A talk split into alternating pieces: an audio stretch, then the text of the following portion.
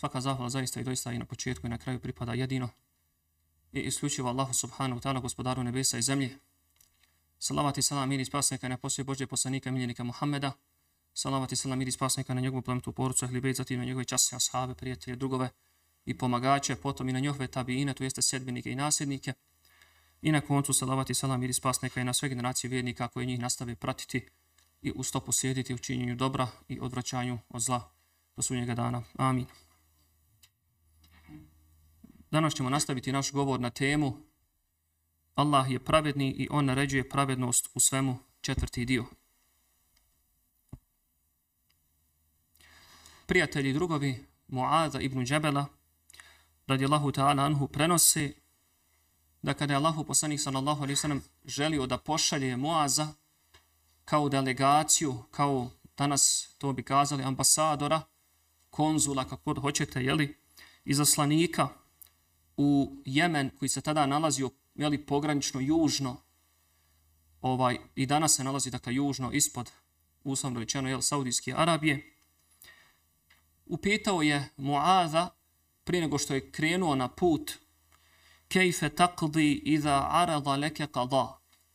Kaže o Muaze kad odeš dole u ta Jemen u jednoj drugoj predaji stoji jel da mu je poslanik Ali Saram rekao prvo ljude poduči šehadetu, pa i poduči namazu, pa kad usvoje namaz, poduči ih, jeli, zekatu, pa postu i tako, jel, postepeno.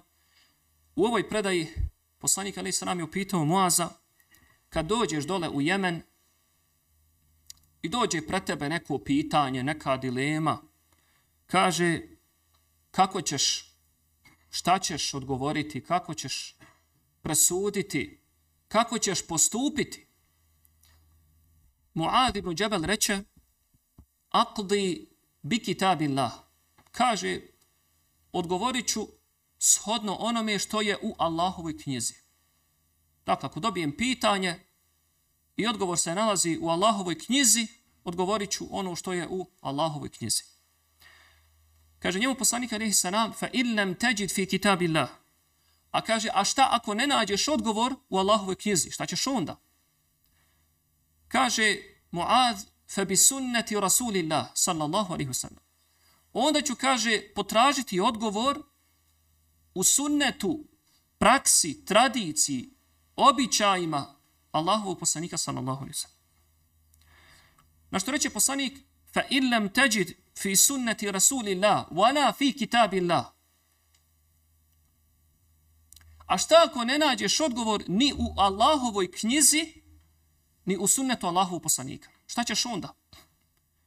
Kaže Muad ibn Džabel, Ečtehidu ra'i wala alu, kaže, onda ću, kaže, dobro razmisliti, promisliti, shodno znanju i poznavanju Kur'ana i sunneta, i kaže, na osnovu toga ću presuditi nekim svojim mišljenjem.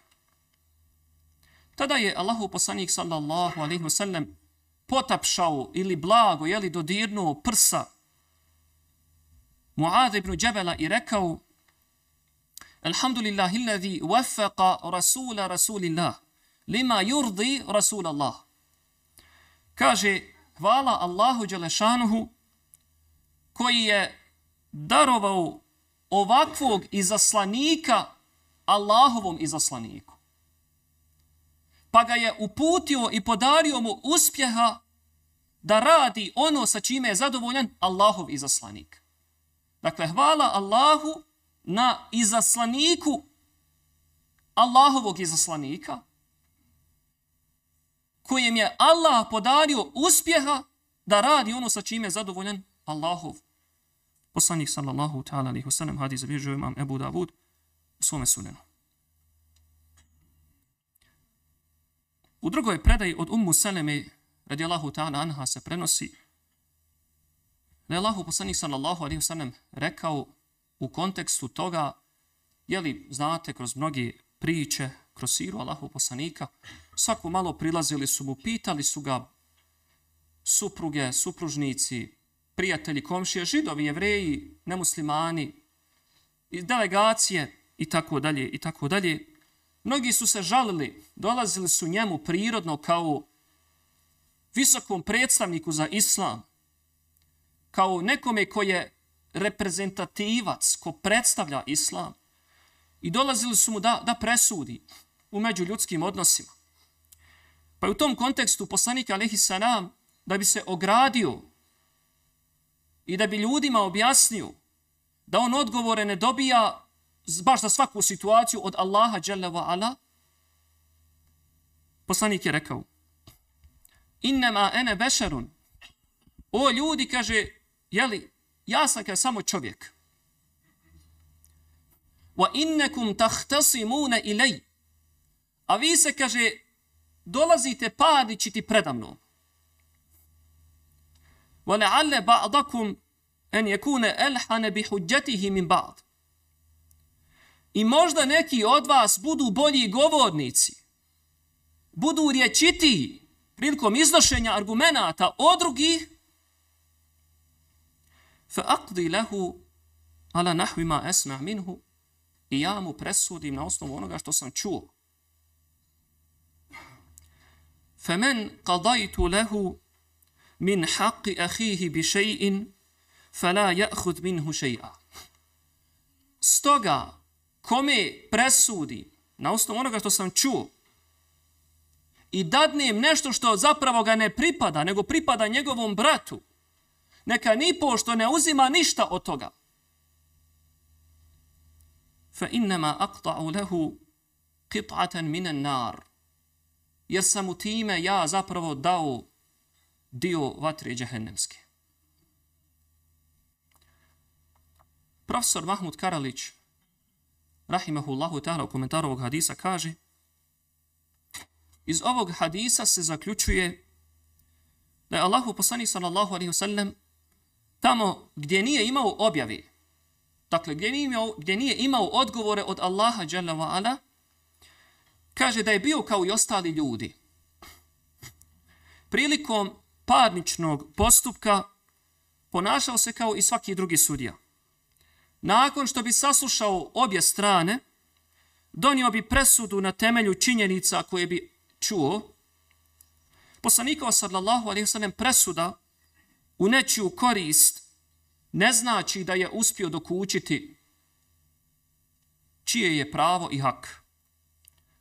Zato i upozorava na kraju hadisa da niko ne prihvata ono što mu presudi, a nije njegovo. Pa makar na sudu bilo dodijeljeno njemu, jer će zato biti odgovoran pred svevišnjim Allahom, gospodarom nebesa i zemlje.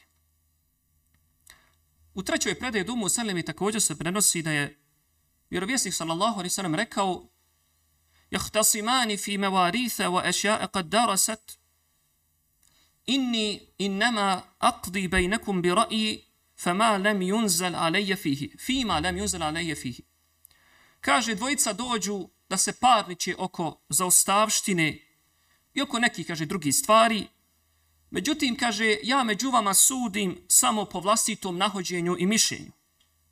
I u tome mi se ništa od Allaha ne objavljuje. Hadis zabilježio imam Ebu Davud u svojom sunom. Od Omera ibn Khattaba, radijallahu ta'ala anuhu, se prenosi da jednog dana sam Mimbera rekao Ja ejuhen nas, o ljudi, inna ra'ja innama kana min rasulillahi musiban li enna Allaha kana yurihi. Kaže, o ljudi, suđenje Allahu poslanika sallallahu sallam je bilo ispravno, jer je bilo pod Allahovim dželle ala nadzorom. Međutim, wa innama huwa minna al-dhannu wat-takalluf. Međutim, kad smo u pitanju mi, naše suđenje je samo pretpostavljanje i ulaganje truda. Hadis zabižuje također Ebu Davud u svome, u svome sunanu kako islam gleda na pravdu i pravičnost, otkriva nam sljedeća predaja koja se prenosi i bilježi od Omera ibn Khattaba, emirul mu'minina, kad je grupa od pet ili pak sedam ljudi nasrnula i ubila jednog mladića. Ubistvo su tada učinili grupno, što bi današnjim riječnikom rečeno u udruženom zločinačkom poduhvatu, jer su smatrali da će na taj način izbjeći da se sazna ko je ubica, pa da se onda jeli, ne može izvršiti odmaza nad njim. Slučaj se desio u Sani, glavnom gradu Jemena i dan danas.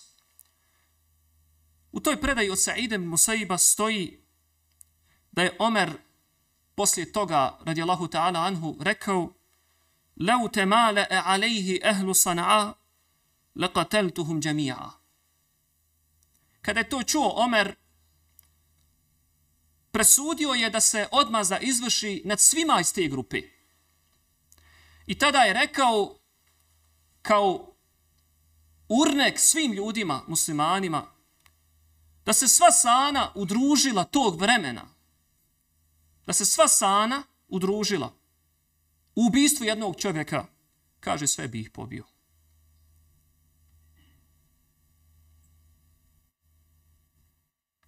Isto je presudio i kada su četiri osobe ubile jednog dječaka.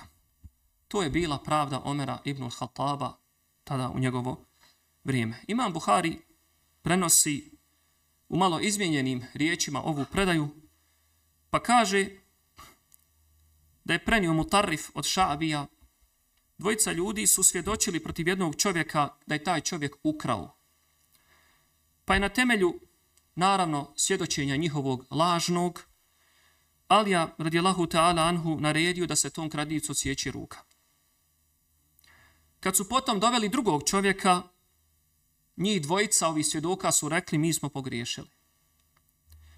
Alija je potom odbacio njihovo svjedočenje i naredio da njih dvojica ovom čovjeku kojem je već odsječena ruka, da mu plati krvarinu. I tada tom prilikom je Alija izjavio لو علمت أنكما تعمدتما لقطعتكما. Kaže, kad bi samo znao da ste to namjerno učinili, naredio bi da se kao kontra i vama dvojci odsjeće ruka. Mugira ibn, Mugira ibn Hakim prenosi da su četverca ljudi ubili bespravno jednog dječaka, pa je Omer tim povodom jeli izgovorio ove prijetodno spomenute, prethodno spomenute riječi, a vi sada dakle pogledajte koliko je šerijat oprezan i strog kad je u pitanju narušavanje tuđeg života.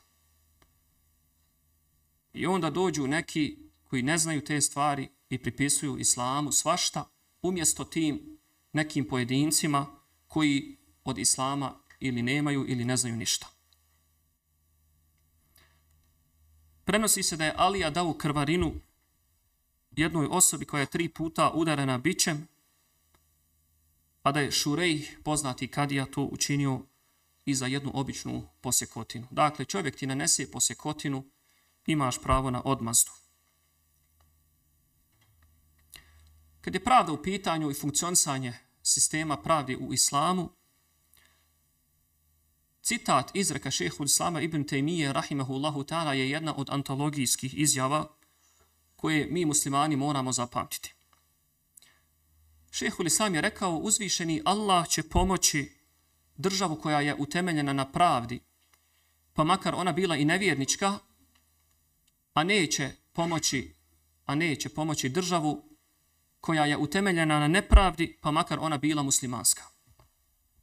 Zašto onda objašnjava Ibn Taymije? Pa kaže, zato što svijet opstaje uz pravdu i kufr nevjerovanje, a neće opstati uz nepravdu i islam. Pogledajte stanje u islamskom umetu danas. A pogledajte ovu zadnju rečenicu šehu Sama ibn Temije. Svijet opstaje uz pravdu i kufr, ali neće opstati uz nepravdu i iman, islam i tako dalje. Od šeha Abdulaziza bin Merzuka Tarifija, hafidhahullahu ta'ala, se spominje da je u kontekstu pravde, u kontekstu hadisa, kada je poslanik alihi sanam, kada je htio da pokaže ljudima urnek, uzor, primjer, a on je to sve bio rekao da moja kćerka Fatima ukrade, ja bi joj ocijekao ruku. Na temelju tog hadisa i još nekih drugih, šejh Tarif je rekao, država neće biti stabilna sve dok se zakon prvo ne počne sprovoditi nad ljudima na najvišem položaju. Prva osoba koju je poslanik sallallahu alaihi sallam zabranio uzimanje kamate je bio njegov amidža Abbas ibn Abdul Muttalib. A prva osoba koju je zastrašio s provođenjem sankcija je bila njegova kćerka Fatima radijallahu ta'ala anha wa ardaha. I za kraj savremeni učenjak dr. Džemal Abdus Setar u kontekstu hijđre Allahovog poslanika sallallahu alaihi sallam i njegovih ashaba prisjetit ćete se iz sire poslanika da su učinili hijđru u, u Abesiniju. Doktor Abdusetar kaže nije se poslanik sallallahu alaihi sallam iselio iz Mekke zbog nevjerstva njenih stanovnika, već je to učinio zbog zuluma, nasilja i represije. Niti je naredio svojim drugovima, ashabima, da se iseli baš u Abesiniju zbog imana njenog vladara, već zbog njegove pravednosti. A opšte je poznato je da je vladar Abesinije bio hrišćanin. Pa je rekao, gdje god se uspostavi pravda, tu je, tu je domovina. Molimo gospodara svjetova da nas učini pravednima prvo u našoj porodici, da napravimo razliku među našom djecom. Na prošloj hudbi smo čuli na ovu temu da ashabi Allahovog poslanika i savrmi čenjaci pogotovo to podlače, da su vodili brigu čak i u broju zagrljaja, poljubaca, odjeće, financija i tako dalje, i tako dalje, da se ne pravi razlika. Pripremajući ovu hudbu, našao sam neke stvari koje su danas možda smiješne, koliko su se ove stvari izgubile.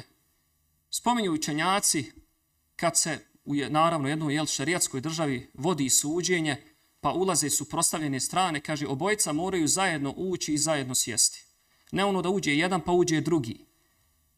Toliko su se detalji gledali i pratili da nije smilo biti ni najmanje razlike. Znači, suprotstavljene strane moraju zajedno ući, zajedno sjesti i ne smije jedna strana biti na višem sjedećem položaju, druga na nižem i tako dalje i tako dalje. Ako je se, kaže, kadija izderao na jednog, mora se izderati i na drugog Ako je pričao spuštenim tonom sa jednim, mora i sa drugim. To je pravda, na tome su bili ashabi Allahu poslanika, nakon Allahu poslanika i umet poslije njega.